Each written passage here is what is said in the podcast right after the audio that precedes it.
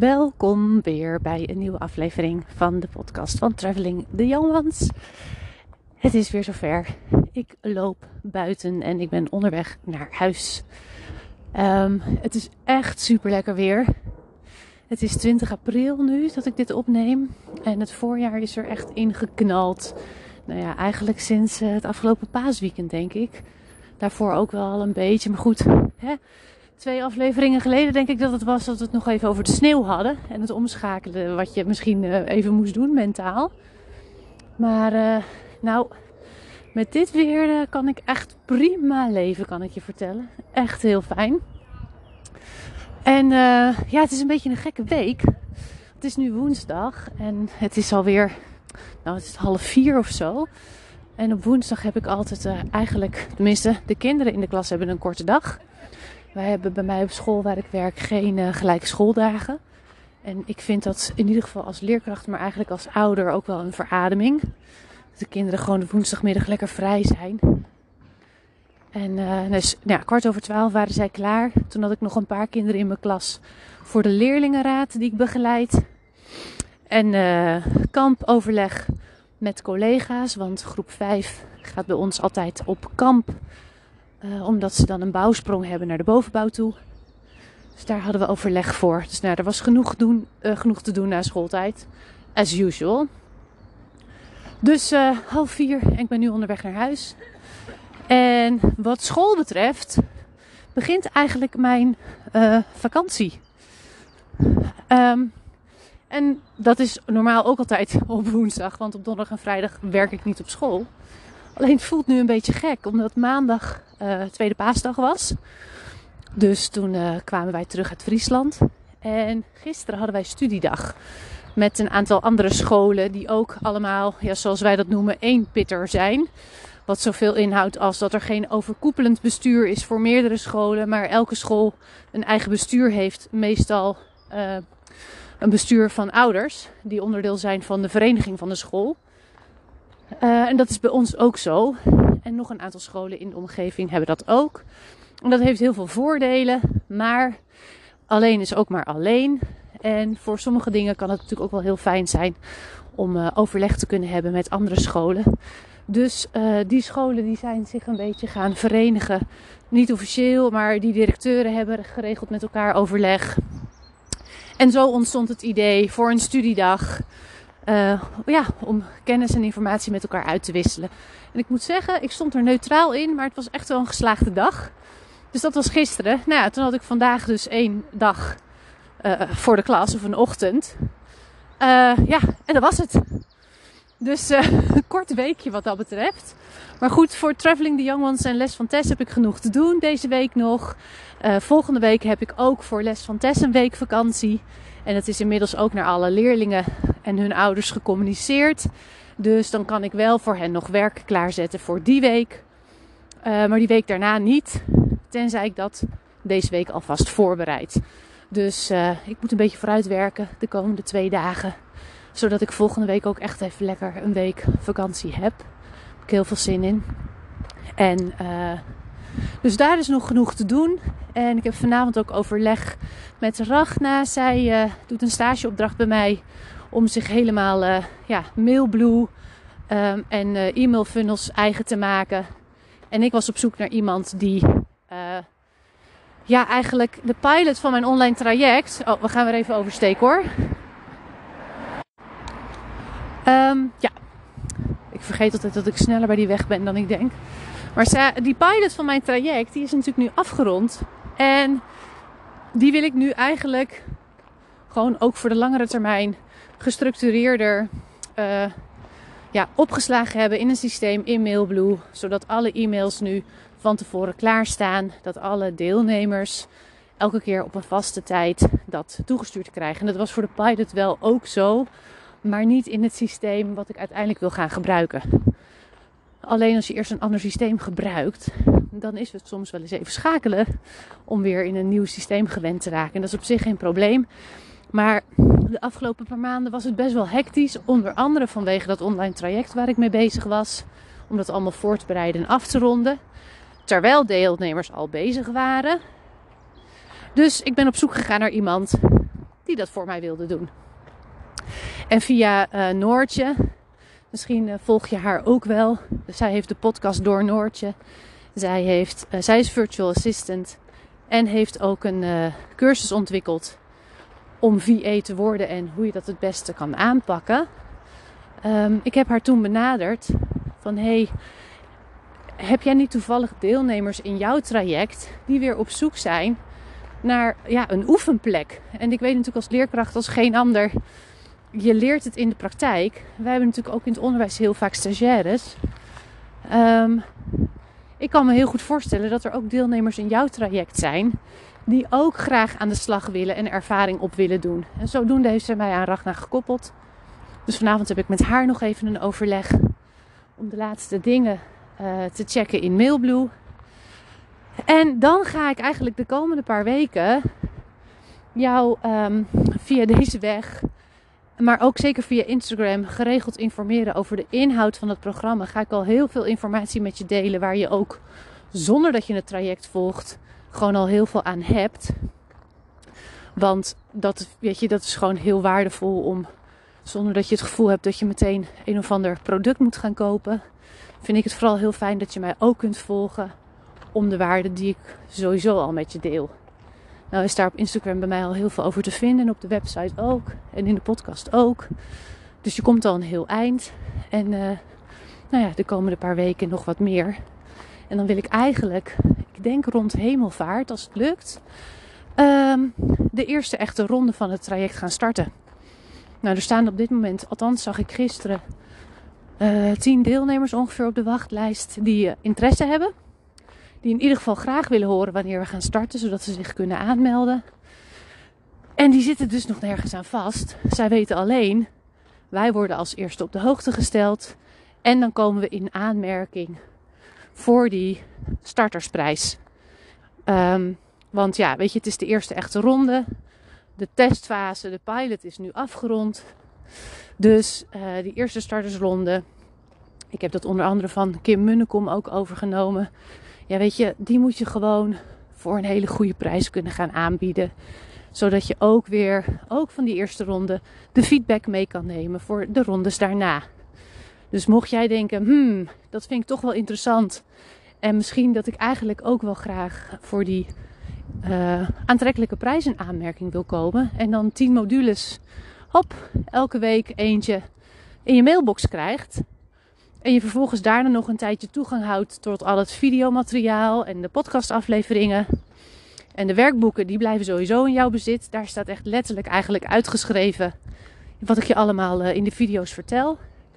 Als je denkt, dat uh, lijkt mij wel wat, dan zou ik even naar die wachtlijst gaan.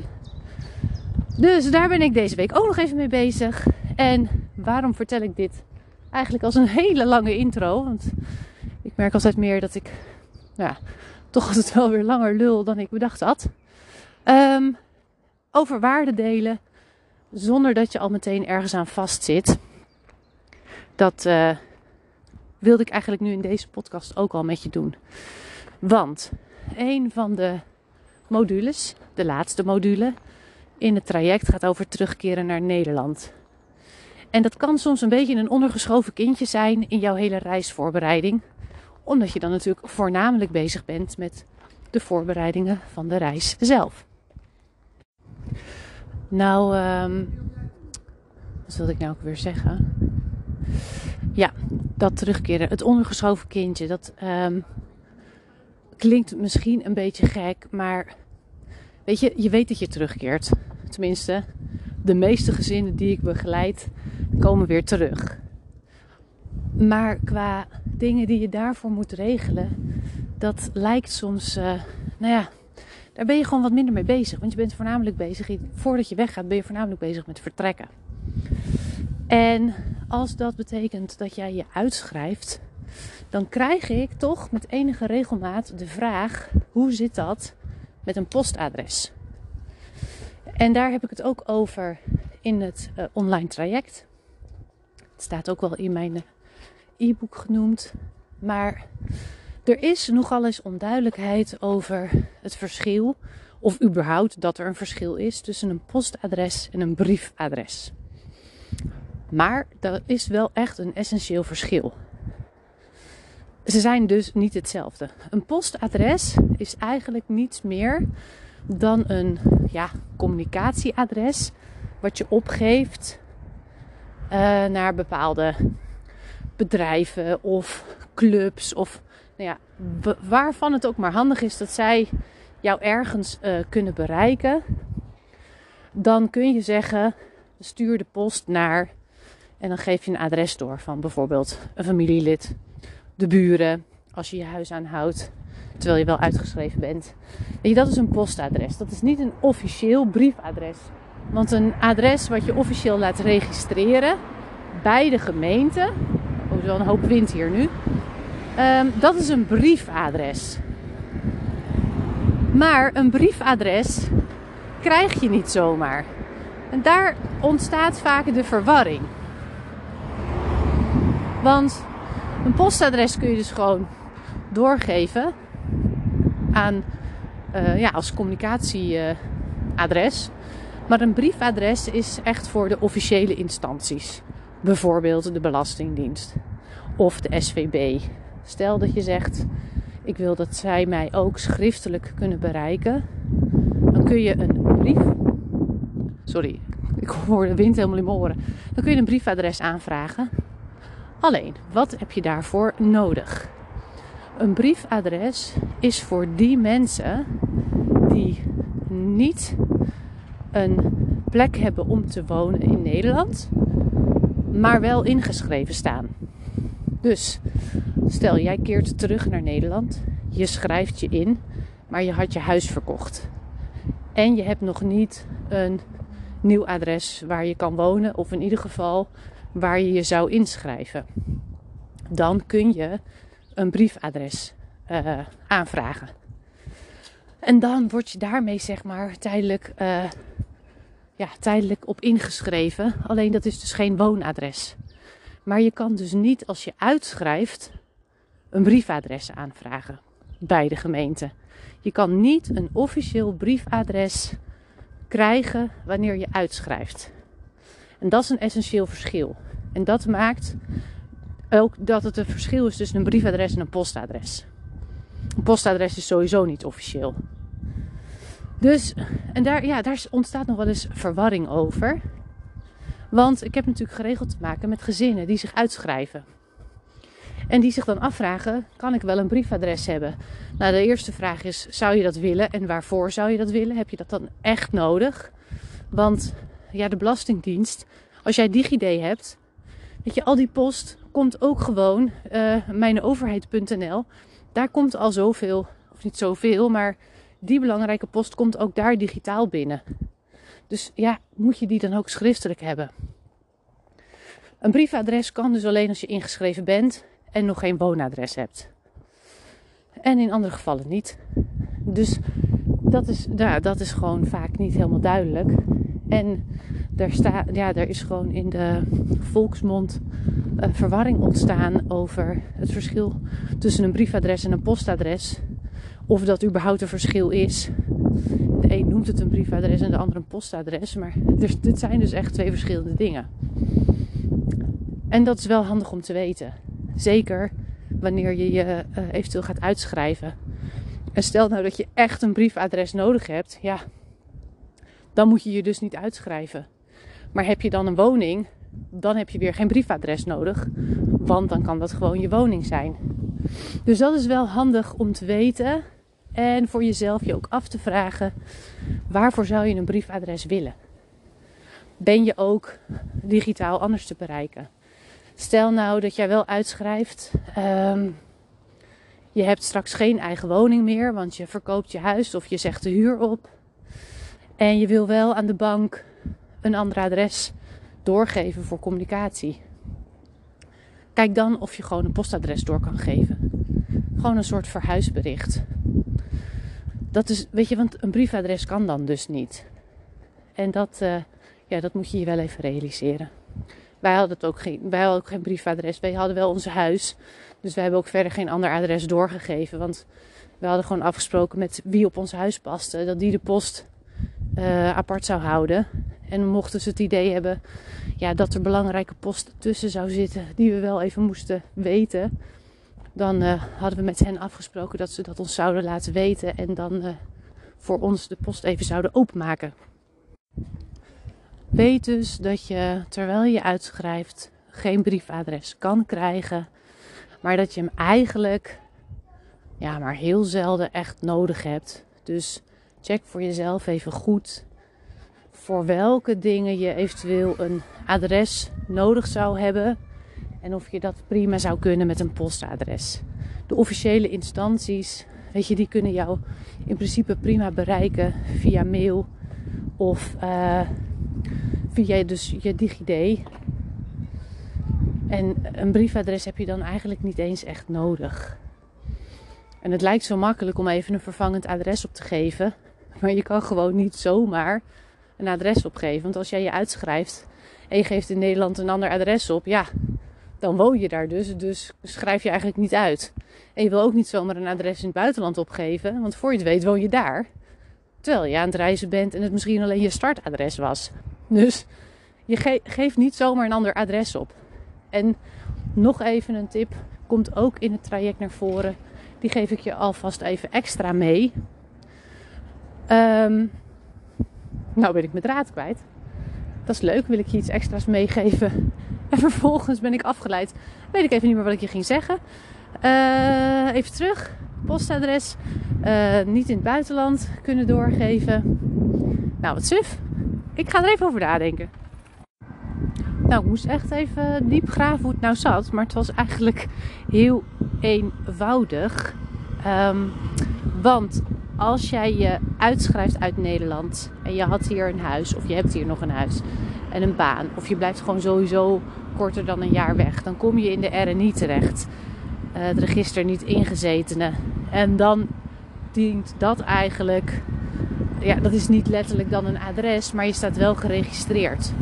En dan hoef je ook bij uitschrijven geen ander adres op te geven. Het staat wel standaard op het formulier. En soms doen ze daar een beetje ingewikkeld over bij de gemeente. Dat ze zeggen, ja, het moet wel een adres hebben. Maar dat moet dus niet. Jij schrijft je uit. Je geeft misschien aan naar welk land je gaat. Um, maar je hebt gewoon geen adres. En dat hoef je dus ook niet op te geven. Want je zegt, ja, weet je, ik schrijf me hieruit. Ik um, hou banden met Nederland. Ik kom in de RNI terecht. Dus ik uh, hoef ook niet verplicht een ander adres op te geven. En dan kun je het altijd nog zeggen, zodra we een adres hebben, geven we het door. Dus, um, want dat is ook nog wel eens eentje die ik terugkrijg. Dat mensen bij de gemeente nog wel eens te horen krijgen, tenminste mensen die naar de gemeente toe gaan en willen uitschrijven, dat er dan moeilijk gedaan wordt over het niet hebben van een adres. Maar dat heeft puur te maken met het systeem dat mensen dat niet snappen.